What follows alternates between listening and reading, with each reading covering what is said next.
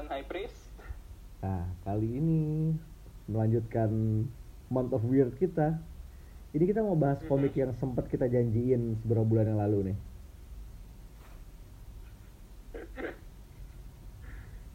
Dan komiknya adalah Peter Milligan and Mike Allred's X-Force plus Ecstatics.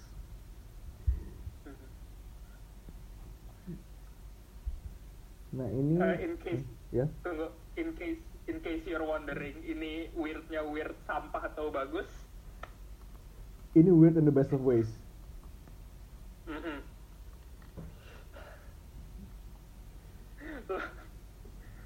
Gue nyesel baru baca ini sekarang, sumpah. Ini hidden gem sih gue akui. Eh, jadi run ini dimulai di X-Force 116 itu tahun 2001 udah antik sih Mhm. Udah tua banget ya, udah berapa tahun kalau gitu? 17. 17 ya? 17 menuju 18. pas Ju- Juli Juli loh pas Juli Oh pas, ya udah 17. pas banget. nah, jadi Emang minta dibahas sih ya. udah the stars align for this nah eh, tim kreatifnya itu primarily Peter Milligan yang biasa lo sering mungkin pernah lihat di Hellblazer di Shit Changing Man biasanya dia kerjain buku-buku yang aneh di Vertigo ini juga aneh Mhm. dan Mike Allred of Silver Surfer yang gambarnya trippy trippy trippy asik Gimana ya, Michael Red tuh stylenya rada-rada pulp, tapi aneh dia pokoknya kalau lu ngelihat gambarnya Allred, lu udah tahu itu gambarnya Allred. Nah, kita sebelum terus ada beberapa guest guest artis ada Darwin Cook.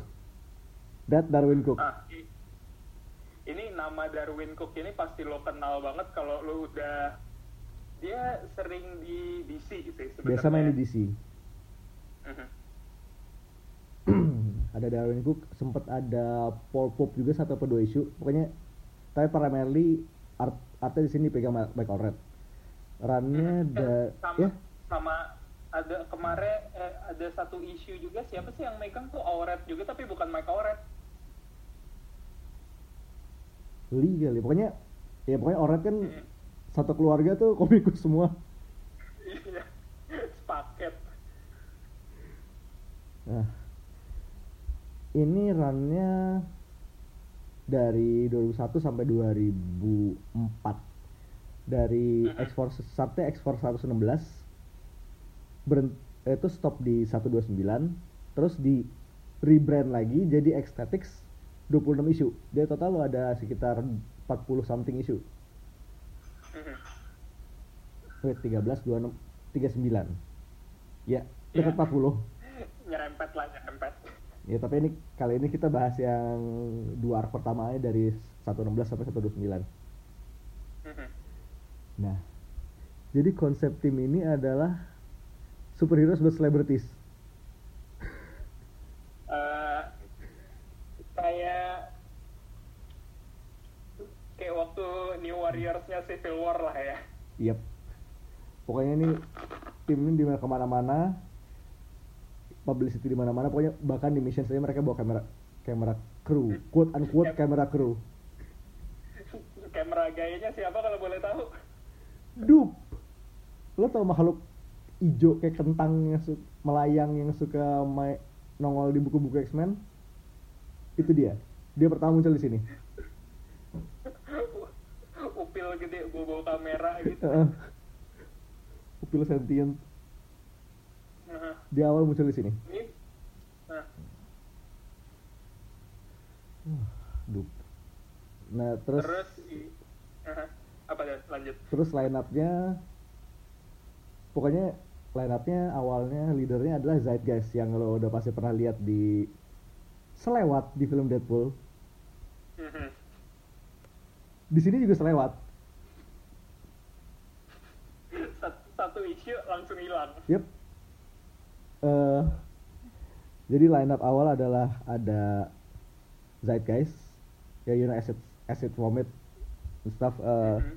Ada Slug, ada Jin Genie yang bisa bikin gempa kalau dia mabok.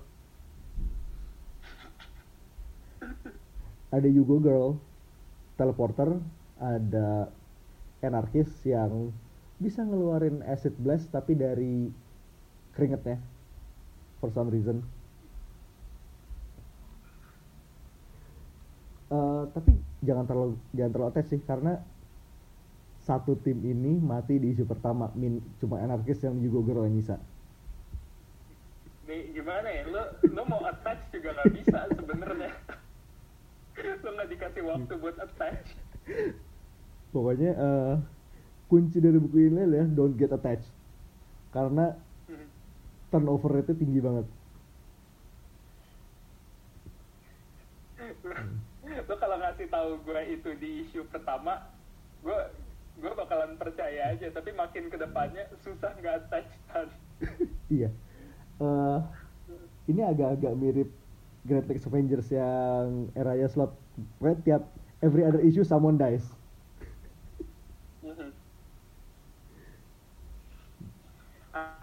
banget ini ini run emang. Aduh. Tep- ya makanya mulai dari isu kedua itu mereka langsung literally nyari bikin tim baru dari awal minus dua survivors itu. Mana yang bisa di salvage mana mana yang kurang kita cari rekrutmen baru. Ada orphan ini mutant kayak Piccolo tapi ungu iya gak?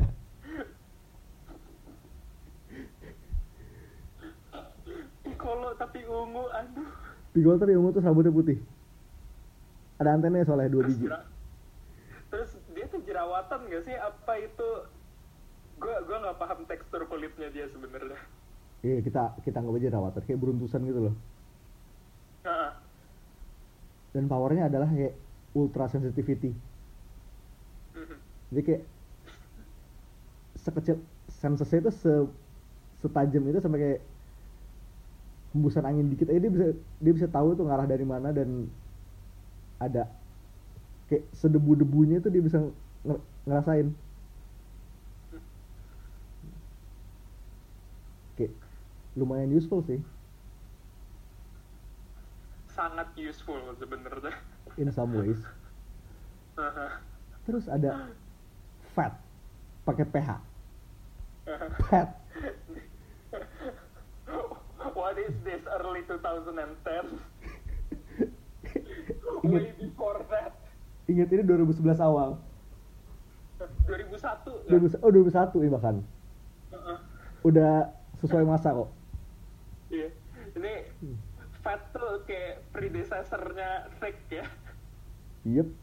Dan emang ini kayak kayak Big Bertha-nya JLA tapi ini kayak gabungannya Big Bertha sama Mr. Fantastic.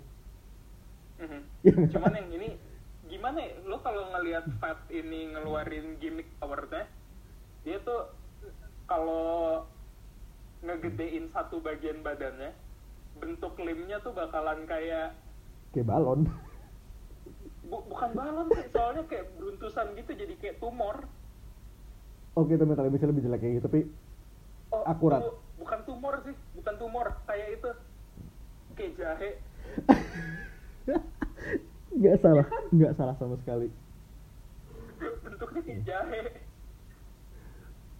Jahe, nggak salah sih. Eh, habis itu ada Vivisector. Ini agak lebih relatif normal. Dia basically werewolf. Iya. Oh ya, perlu gue tambahin, Fat ini white boy tapi kelakuannya kayak black guy. Iya. dia kayak colo gitu ya. Bahkan colo aja enggak, ini white boy. Ini kayak Vanilla Ice times 11 gitu. Aduh, iya vanilla ice. Kampret. Sok gangsternya tuh maksa banget soalnya. Dia ngaku-ngaku trailer trash. Padahal sebenarnya ortunya tuh orang orang berada. Dia ngaku-ngaku punya background jelek kira-kira agennya agennya mikir kalau kalau background gue jelek, gue lebih marketable. Heeh. oh ini perlu diingat perlu diingat juga ya kalau lo pengen me- jadi member dari X Force yang ini lo harus punya agen Nah, ya ini again superhero as celebrities Mhm. terus ada oh ada block ini heavy hitternya at the time sih. Dia Mhm. bisa ganti warna kulit. Tapi kalau dia berubah kulit berubah jadi pink dia punya super strength.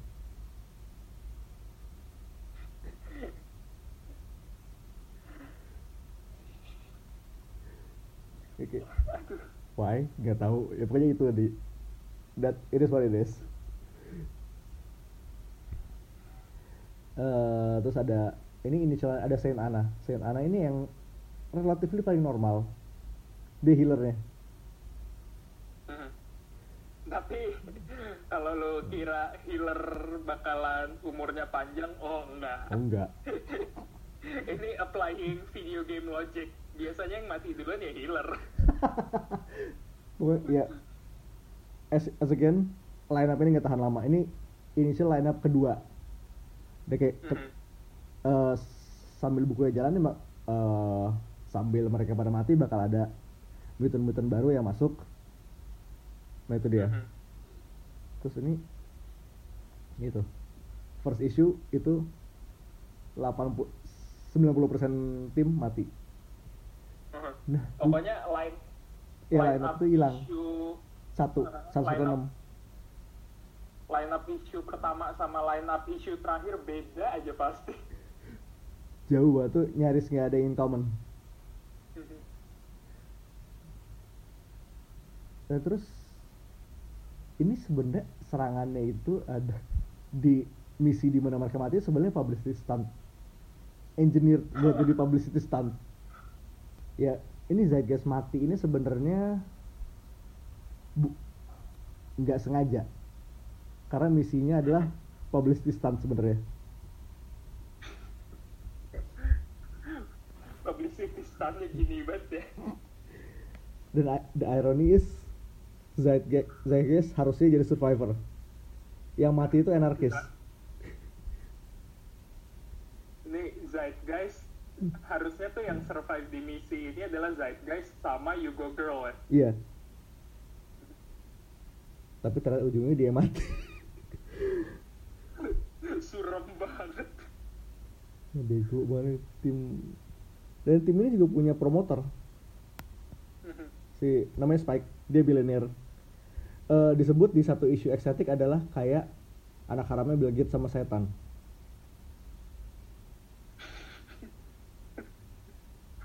aduh Tapi emang setan banget sih. Ini misi quote unquote publicity stunt ini dia yang dukung juga. Mhm. ini ajaib banget dari awal tuh emang udah aneh Eh, terus harus diketahui juga nama X ini kan awalnya nama mereka pakai X Force. Mhm. Ini diambil nggak pakai izin dari X Force yang asli. Mhm.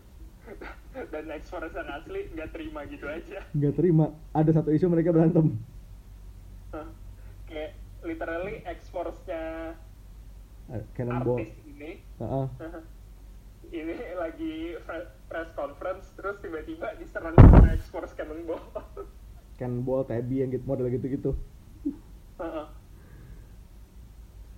Dan pada akhirnya dealnya adalah biar bisa terus makin nama Force, si Spike ngirim cek buat masing-masing member Force yang asli.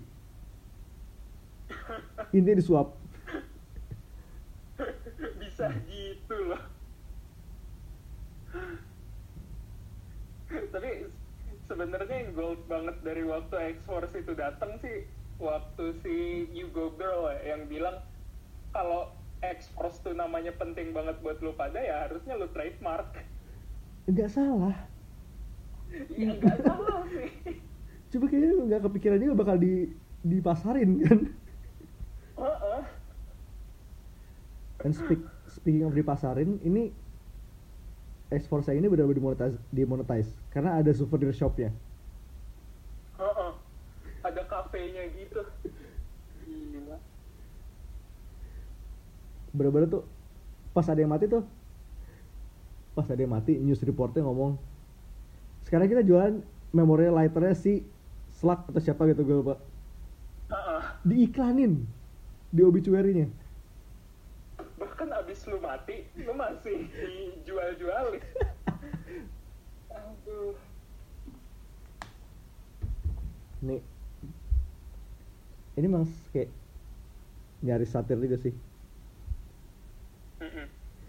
Oh terus lo nggak bisa punya Xbook tanpa cameo-nya tanpa ada guest spot Wolverine? Oke. Nih.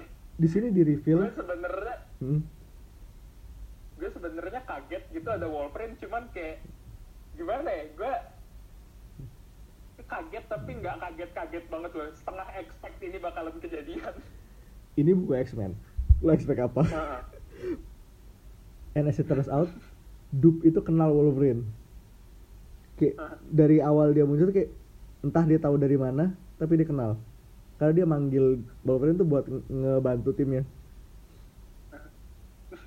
dan Wol- Wolverine tuh nge-address si Duke old friend Yep. Kita nggak tahu mereka kenal di mana. Tapi itu pasti menarik gitu ya.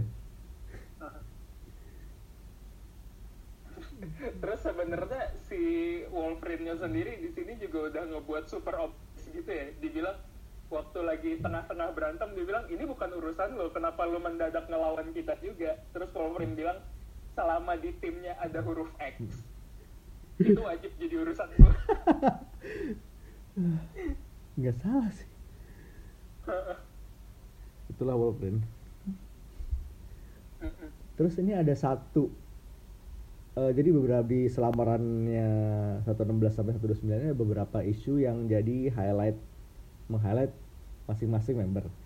Ini ada satu isu fokusnya ke Dupe. Dan Ah. plotnya adalah basically Dupe ngorek jerawat. Mence beneran pop eh, zip, eh, popping zip gitu. Tapi gini, jerawatnya dipites, pecah, jadi portal masuk ke gue nggak tahu bahkan di dunia apa sih kayak satu tim itu ke isep ke alternatif ke dimensi dalam dup gitu.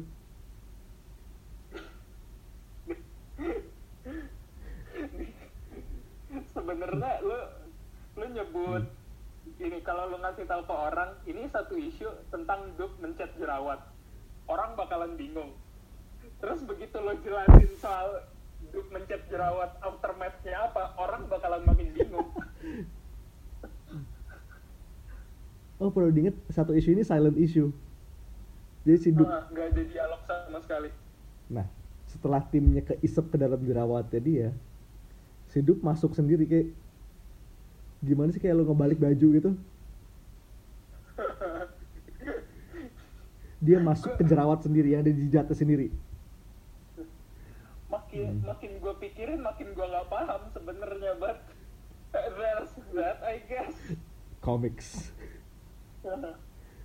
Itu kan terima aja. eh, Dup masuk ke jerawatnya sendiri, terus kayak masuk ke dunia di mana ternyata tim members itu nyangkut di dalam kayak war sphere masing-masing. Dan si Dup tuh nyelamatin mereka atu-atu. Ja- jadi sebenarnya Dup mencet jerawat itu dia bikin neraka In a way, in a way itu nggak salah. so remember kids take care of your skin do not pop your zip or you might go to hell Tapi ini Dup sih, gue heran. Kalau catat Dup ini mulutnya kayak kantong ajaib. Dia bisa ngambil benda-benda dari mul- dalam mulutnya. ini sebagai suatu entitas tuh Dup emang ajaib banget deh Mungkin sampai sekarang kayaknya origin itu belum belum di reveal deh. keep it that way keep it that way pasalnya kalau mau di reveal juga gue takut revealnya bakalan aneh banget Pasti itu udah udah bisa dibilang itu certainty sih. kalau kalau enggak tiba-tiba ntar revealnya berusaha mau nge-reveal jatuhnya malah kayak Joker di DC begitu mau reveal tiba-tiba di ada reveal dadakan Duk tuh sebenarnya ada tiga. Dupnya tiga, kita satu aja udah begini. Ada tiga?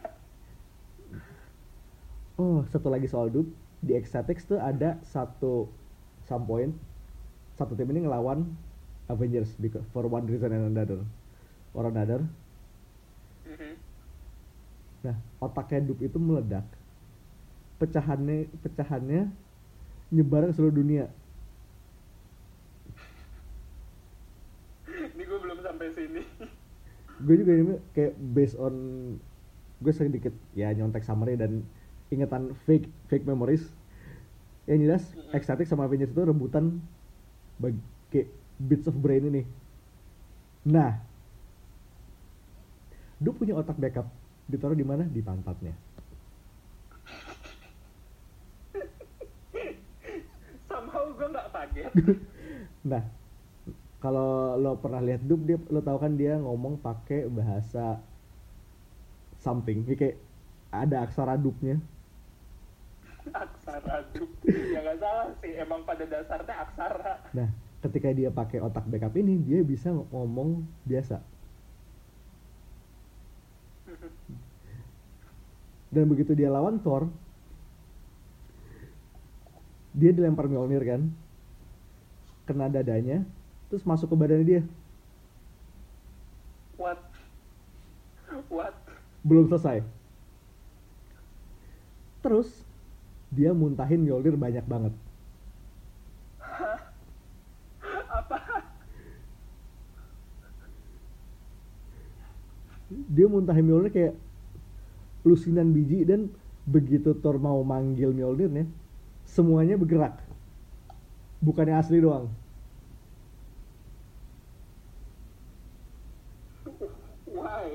Why? Gak tahu. Gue gak tahu. Ini dupe. It's dupe. We don't have to explain shit. Kenapa sampai sekarang dia belum dapat series sendiri? Gue nggak paham.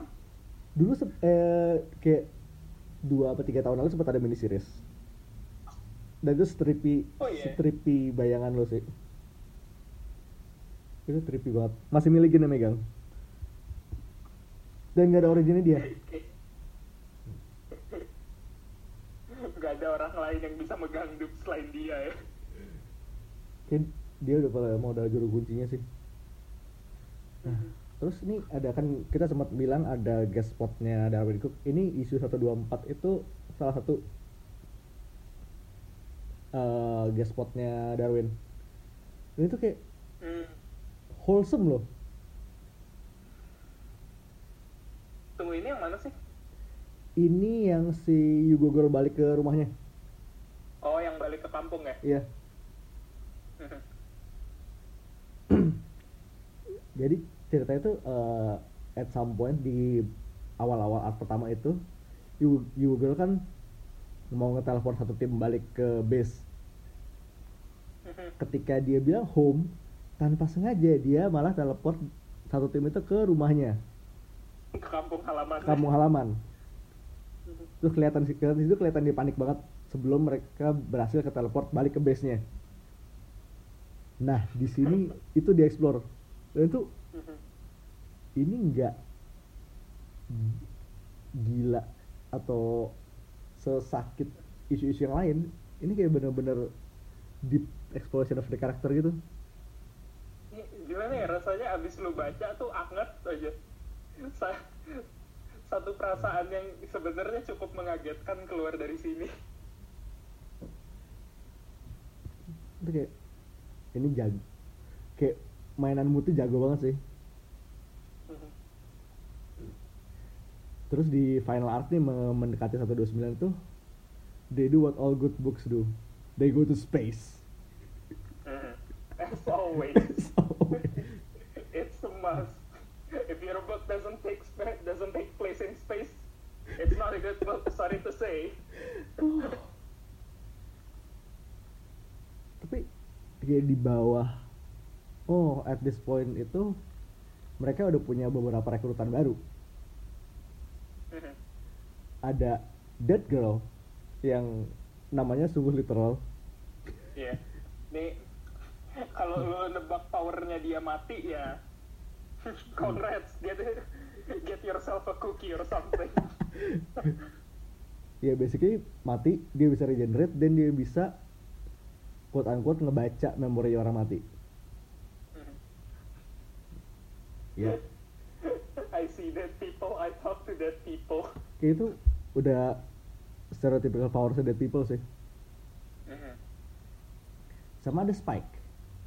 Ini sih mung- mungkin banget ini kalau lo X-Men Evolution ini inspirasi dari situ inspirasi si karakter itu. Probably. Probably. Karena di sini lain banget. Ini Spike itu jadi awal-awal itu dia kesel sama anarkis which for the record is black guy. Karena dia si Spike ini kesel karena anarkis itu black guy tapi kelakuannya kayak white kayak white boy. Uh, dia panggilan sayangnya ke anarkis loh. Captain Coconut. because you're black on the outside but white on the inside. Ya nggak gue itu itu itu pinter. Uh, itu genius. Jenius tapi emang nyakitin juga sih. Uh-uh. aduh ini nah intinya tapi ya rest assured hidupnya Spike nggak nggak lama-lama amat. Dia mati gara-gara ketemu sama Space Brothers. Space Brothers. Salah.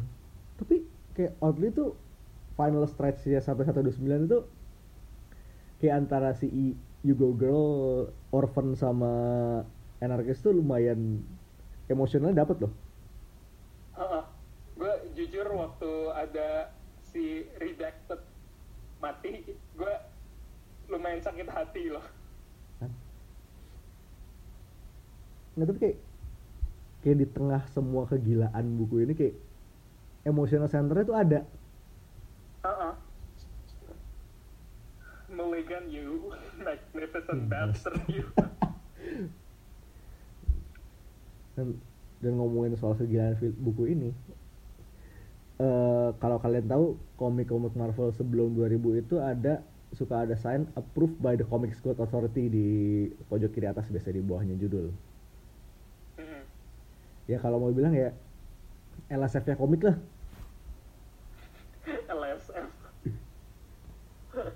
sama kayak LSF mereka juga suka bikin questionable decisions soal censorship.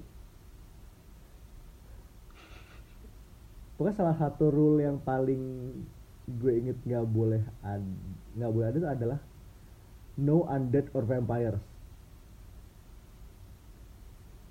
But why? I don't know. Eh, ya kata tuh menurut it doesn't have to. Nah karena itu ya legend has it Morbius itu dibikin quote, quote living vampire karena rule itu. Hmm. That's vampirist. itu le- itu urban legend ya. Sebenarnya enggak tapi kayak lo bisa tahu kenapa. Seenggaknya lo bisa nyadar itu kenapa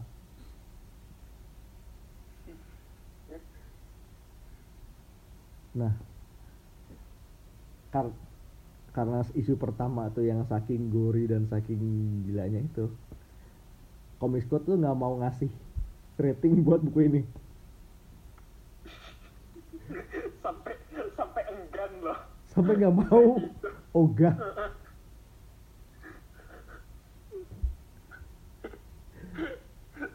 Literally isu pertama kelar langsung usus ke Nah, dari situ Marvel tuh udah kayak itu titik baliknya Marvel ogah pakai Comics Code. Mereka udah pakai censorship sendiri aja. We know best lah ya. You know best. Nah dari situ pokoknya mulai mereka mulai abandoning Comics Code itu kayak small history lesson aja. dan terus kayak yang gue suka itu di buku ini adalah ini satire-nya kenceng banget. Satirizing reality TV dan celebrity culture ya gimana ya? Mulligan tuh kayak dia bisa ngebuat semua isu itu berasa subtle gitu loh begitu dia bahas.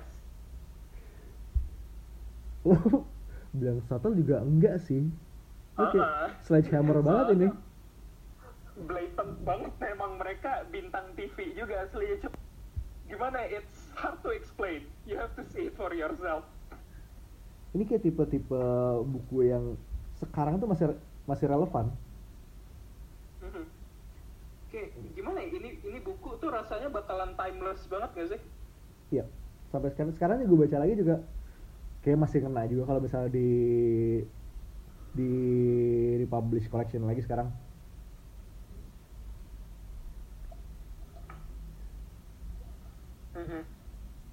Ini kayak Oh main-main sama superhero genre iya, main-main sama celebrity culture iya.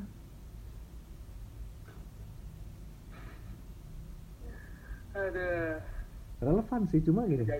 Kalau misalnya lo publish ini sekarang kayaknya rame juga sih.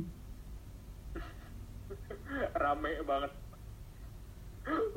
Untung dirilis 2001. Kayak itu waste, waste time banget. God.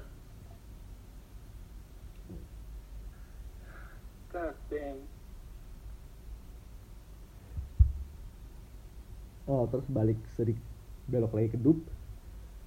Eh, kalian tahu dia ngomong dengan alfabet aksara dup itu lo kira bakal gibberish kan? Mhm. Ternyata enggak. Itu ada translatornya. Selama ini gue kira dia gibberish, ternyata ada translatornya dan gue kaget. Ya sama persis kayak model-model Aura BC Star Wars pokoknya huruf ini adalah huruf Latinnya ini. Itu tinggal tinggal lu tukar-tukar aja. Dan itu jadi dialognya dia bener. Mhm. Itu read value sih. Ih, gue gue fix bakal reread lagi demi baca. Itu, sebenarnya ngomong apa? Aksara dup. Terus eh, in universe itu dup speak itu learnable. Karena di satu salah satu isu Ecstatics itu as it turns out, beberapa anggota expert tuh bisa ngomong dup, dup speak. Dan emang letternya diganti jadi huruf-huruf itu.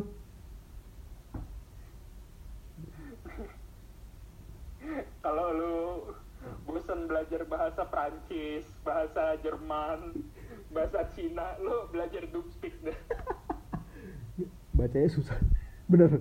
Itu soalnya karakter-karakternya kompleks itu kayak dengan lettering yang kecil segede gitu kayak capek juga sih tapi menarik Reread value-nya gede banget begitu lu tahu Dubspeak itu ada.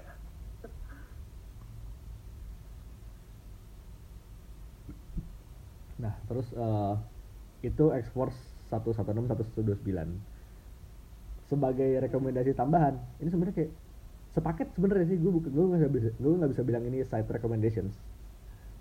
Ini terusannya sih pada iya dasarnya. sequel. Sequel beda judul doang.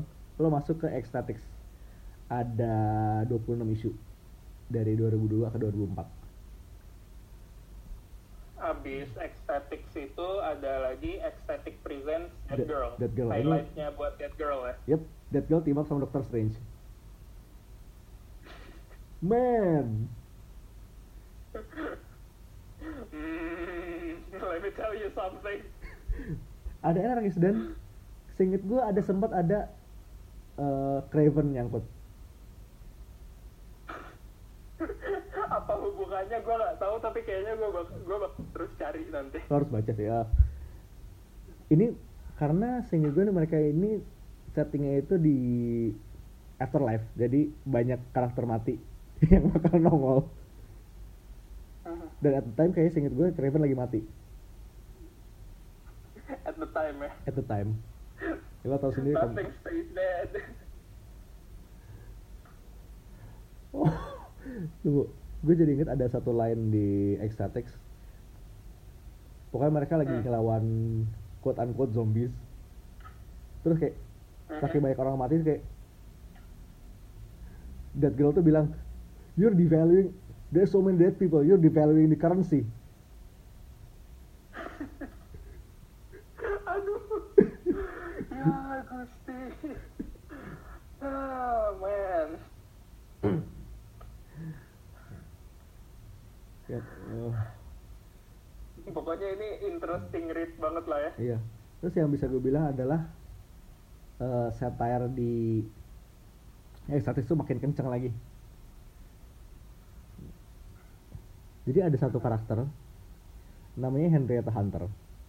Dia itu cewek udah kayak tiba-tiba abis mati hidup lagi dia punya power empathy. Niatnya adalah Milligan Ah. itu mau bikin dia itu Diana Princess Diana kayak the little Princess Wow. Diana Wow. God damn. Oke ini fix harus gue kelarin nanti ecstatic. Nggak, tapi gara-gara beritanya bocor dikecam media obviously digantilah jadi popstar Henrietta Hunter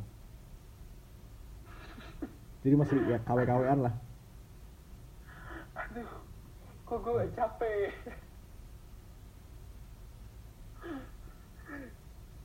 Oke, fix kelarin banget ini nanti. Aduh. terus eh, antara new recruits dari di Ecstatic itu ada Venus Di Milo dia kayak energy being teleporter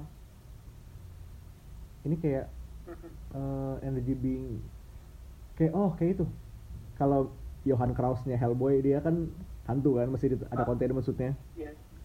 Nah dia, dia dia plasma jadi harus dikontain dalam suitnya. Kalau ini energi tapi harus dikontain dalam suitnya juga. persis Beda bentuk aja ya.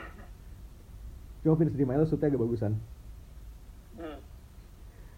sama ada El Guapo dia mutant Power powernya apa kalau boleh tahu?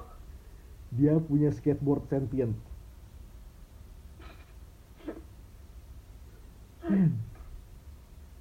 Nih tunggu bentar. El Guapo tuh kalau gua nggak salah dia eh, deskripsinya di Wikipedia adalah a sexy male mutant with a flying skateboard that had a mind of his own. Yep, A sexy male mutant loh. dia sendiri dia sendiri sebenarnya orang biasa. Skateboardnya ajaib. Aduh.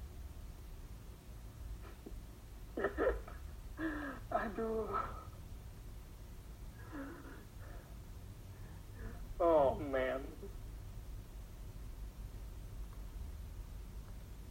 Uh, skateboard, skateboard. Terus jangan jangan takut di Exatex itu tradisi kematian itu masih ada. Siapa aja yang mati? We can tell. We won't spoil it.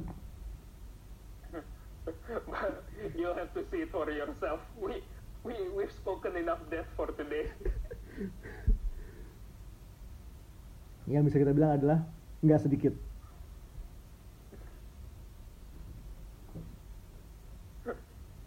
gue juga sebenarnya nggak bisa spoil karena gue belum kau bacanya. Tapi lo udah bakal expect kan? Nggak sedikit. we're we're all in this together. gue udah tahu beberapa doang. Ini berdasarkan buku eh, hidden hidden gemnya kayak early old Marvel. Nih, jadi basically itu ecstatic sama X-Force yang ini kayak next wave but no holding back. Ini next wave next wave unfiltered sih. If next wave if next wave for celebs. next wave max. Oh man. Ini kayaknya kalau di publish tahun-tahun ini kayak bisa masuk max deh. Ya labelnya bakalan sama kayak Punisher, Platoon dan lain-lain ya. Ya. Kalau bisa diterbitin. Big if. Ini kalau terbit sekarang bayangin Outcry ya kayak apa coba. oh man. Oh, satu lagi ini soal ngomongin Outcry ini. Tim Uh-huh. ini despite kengasalan ya tim ini woke tuh. Woke banget loh racial kuotanya. Mhm. gay people ada. Iya. Black guys ada. Latinos ada. Tapi ya demi rating. Ingat Mhm. ini tim selebriti. Rating itu penting. Ini harus kelihatan seinklusif mungkin karena emang inclusive kalau- by design. Fat tuh body acceptance ya. Oh iya. Gila ini Iya. woke banget. Ini kurang itu aja sih sebenarnya transsexual icon. Abis itu udah kelar. Ini tim sapu jagat Eh, ada quote yang tiba-tiba nongol kemarin pas gue lagi nonton Punisher era Dolph Lundgren. Eh, kadang-kadang film yang progresif itu dibikin tanpa niat lo mau, mau progresif.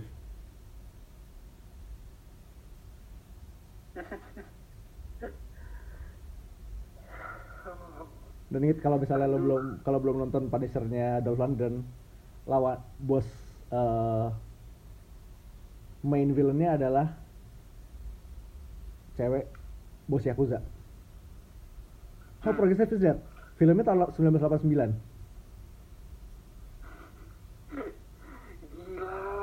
gila gila gue gue kangen nonton lagi Men, Punisher lawan Ninja itu peak Punisher loh. Punisher fighting the hand before Danny Red Miss me with that whip shit.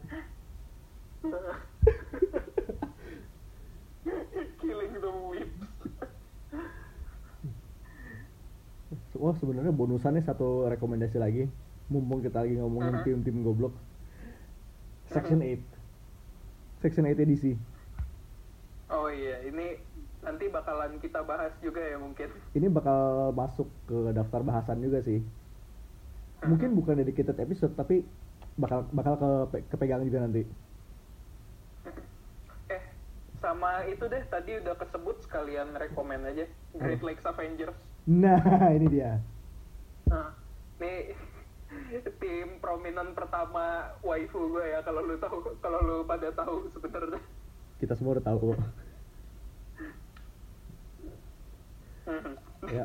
nih Great Lakes Avengers nih kayak bacaan bener-bener ringan Ringan tapi tragis ini juga. komik apaan Nah, ini komik apaan sih kenapa bisa terbit coba Ini kayak satu dari sedikit buku dan slot yang bisa bisa ditolak tolerable sih. dan lu dan lu tahu sendiri seberapa bencinya kita. So Ya. Great Avengers baca. Itu bacaan wajib juga. Tuh, lu jarang-jarang lu bisa ngelihat eh, or- orang selain Avengers dan tim-tim Cosmic Marvel yang bisa ngalahin Thanos of panel. Dan udah dikasih udah dikonfirm sama Watcher bukan clone, bukan imposter. The actual Thanos. nggak bisa di retcon lagi itu udah confirm lo ya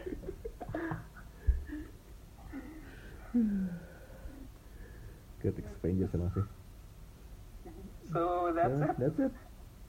That's X-Force and X-Tactics. Kayak tim paling ajaib Marvel di era 2000 2000-an awal. Ini ini Cypress dia aja sempet nyesel baru nemu sekarang. gue nyesel banget baru baca sekarang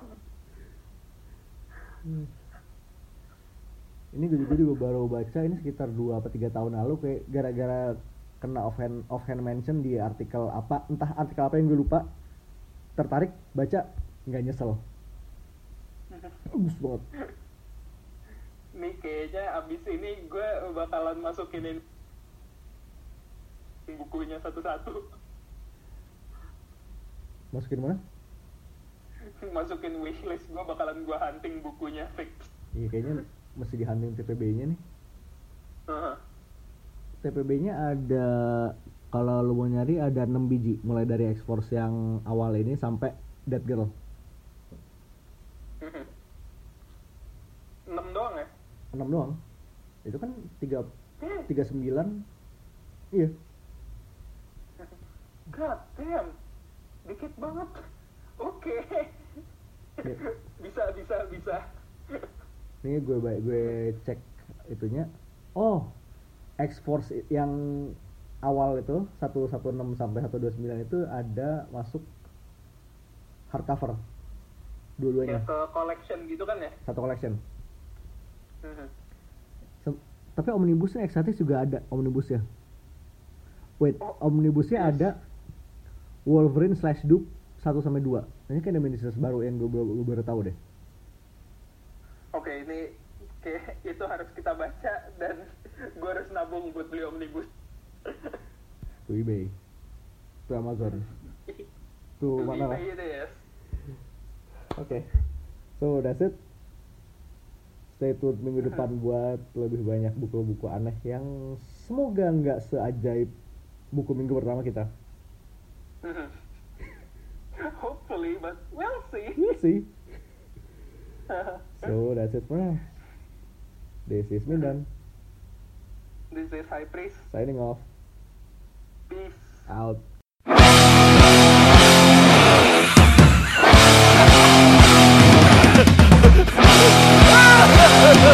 Where are you from?